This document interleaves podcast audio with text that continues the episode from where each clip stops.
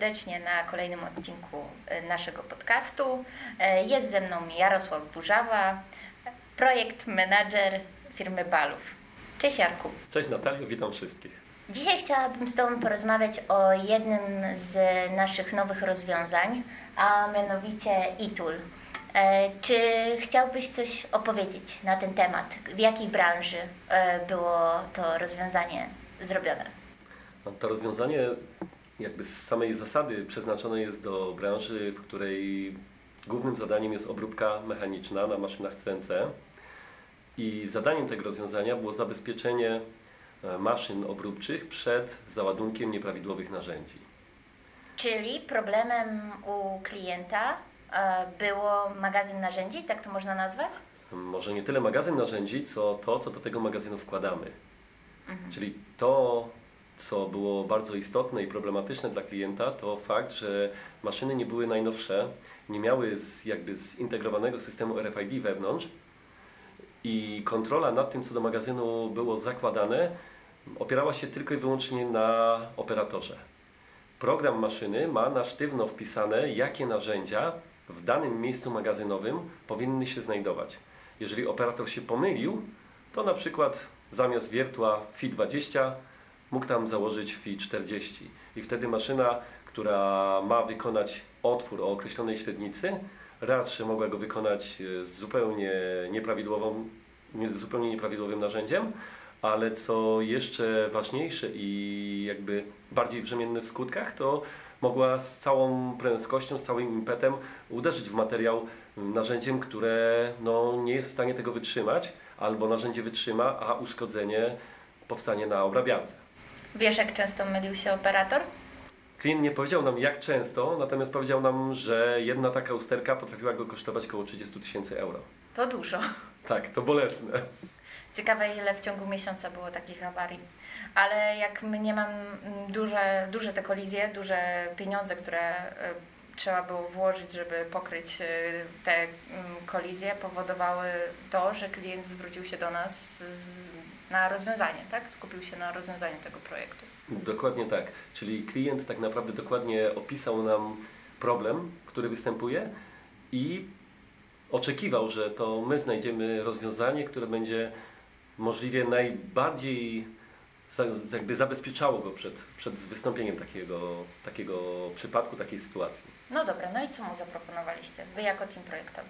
Nie mieliśmy możliwości pełnej integracji jakby z maszyną, ponieważ to maszyny, tak jak mówiłem, nie były już najnowsze i sterowanie tych maszyn było całkowicie dla nas zamknięte, więc musieliśmy wymyślić taki troszeczkę bardziej naokoło sposób.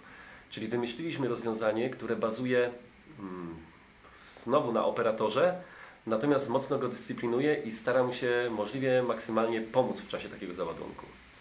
Czyli wiemy o tym, że operator dostaje listę części, według której powinien kolejno ładować e, narzędzia do magazynu. Taka lista części ma nadrukowany e, kod 2D, który my możemy sczytać naszym skanerem.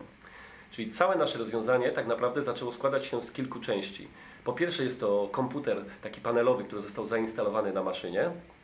Do tego komputera podłączony został skaner do odczytu właśnie tych kodów, o których wspomniałem oraz głowica RFID, ponieważ wszystkie oprawki narzędziowe zostały wyposażone w nośniki danych, a na tych nośnikach zapisaliśmy taki identyfikator narzędzia, który pozwala nam po odczytaniu powiedzieć, co to jest dokładnie za narzędzie. I teraz operator skanował sobie listę, informacja o tym, co w tym kodzie 2D e, się znajduje, jaka, jakie poszczególne części powinny zostać e, zaimplementowane do magazynu, trafiała do naszego systemu. Więc my już wiedzieliśmy, czego po kolei powinniśmy się spodziewać. Potem operator brał do ręki narzędzie i zbliżał go do głowicy RFID. Głowica RFID odczytywała, co to jest za narzędzie, wyświetlała mu informacje o tym, czy to na pewno jest to narzędzie, którego powinien włożyć. I operator zakładał narzędzie do magazynu oraz potwierdzał na ekranie, że tak, jest wszystko ok. Dostawał komunikat taki wizualny, a w sytuacji, gdyby narzędzie odczytane było nieprawidłowe, to również dostawał informację o tym, że no coś tutaj się nie zgadza i żeby się upewnił, że na pewno wie, co robi.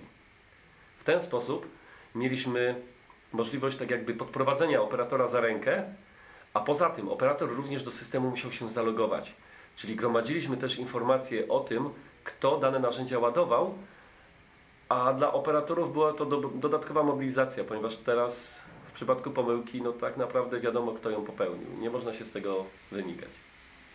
A w takim razie jakie rozwiązania konkretnie użyliście do niwelowania tych kolizji? Czyli jak dobrze zrozumiałam, ręczny system, Ręczny skaner, tak? tak, nośnik e, narzędzi RFID, Nośnik danych, który jest zaimplementowany do oprawki, dokładnie. Głowica RFID, głowica i panel, gdzie operator potwierdza, dokładnie że, tak, gdzie wyświetlają mu się informacje i on sobie potwierdza. E, I teraz benefitem dla klienta, waszego klienta, było właśnie ta niwela, niwelizacja e, tych kolizji? To wszystko? Dokładnie tak. Okej. E, To teraz jeszcze moje pytanie na temat e, systemu i rozbudowania jego. Czy klient planuje dodać jakieś nowe funkcjonalności? W tym momencie jedyny krok, jaki nam pozostał tak naprawdę do zrobienia, to jest całkowite zautomatyzowanie systemu. No może nie całkowite zautomatyzowanie, ale jeszcze w tym momencie tak naprawdę to operator decyduje o tym, czy dany krok jest prawidłowy, czy nie. E, Założenie było takie, że jeżeli, jeżeli nasz system wykryje, że nieprawidłowa jest kolejność ładowanych narzędzi, to po prostu nie pozwoli później wystartować procesu. Klient chce wdrażać te rozwiązania etapami, czyli na początek pozwala operatorom jeszcze samodzielnie to potwierdzać. Finalnie po prostu będziemy elektrycznie blokować start maszyny. Jak operatorzy zareagowali na tą pierwszą fazę e, projektu przed jeszcze rozbudową? No, jakby to powiedzieć, entuzjazmu nie było. Okej, rozumiem. Dalej nie ciągnę tematu. E, A e, jak klient w takim razie widzi mm, dalszy ciąg? Oprócz tej rozbudowy, czyli listy narzędzi, kody 2D, to coś jeszcze dodatkowego chciałby tam wdrożyć, oprócz pełnej automatyzacji? Myślę, że w tym momencie już nie, chyba że po prostu na kolejnych maszynach, bo tak naprawdę wdrożyliśmy ten system na trzech maszynach. E, Pomysły są na wdrażanie na kolejne maszyny i w zależności od tego, czy będziemy mieli dostęp do sterowników PLC, do sterowników maszyny, będziemy mogli ten proces zrobić zdecydowanie jeszcze mniej uzależniony od operatora, ale to tak naprawdę będziemy rozstrzygać przy każdej maszynie. A w jakich innych e, miejscach, w innych branżach można zastosować to rozwiązanie? Podobne rozwiązania można byłoby zastosować w zakładach, które wykorzystują na przykład prasy albo formy wtryskowe, gdzie chcielibyśmy się zabezpieczyć przed tym, że na przykład części składowe prasy, czyli tłoczniki, są dedykowane do danej operacji, czyli do danej jakiejś referencji produktu, które, który ma być produkowany. Moglibyśmy kontrolować, czy na pewno założono prawidłowe. Wydaje mi się, że przy prasach, przy formach wtryskowych również można byłoby podobny system zastosować. Dziękuję bardzo za dzisiejszą rozmowę i do zobaczenia, do usłyszenia wkrótce. Dziękuję bardzo. Do usłyszenia. Pa.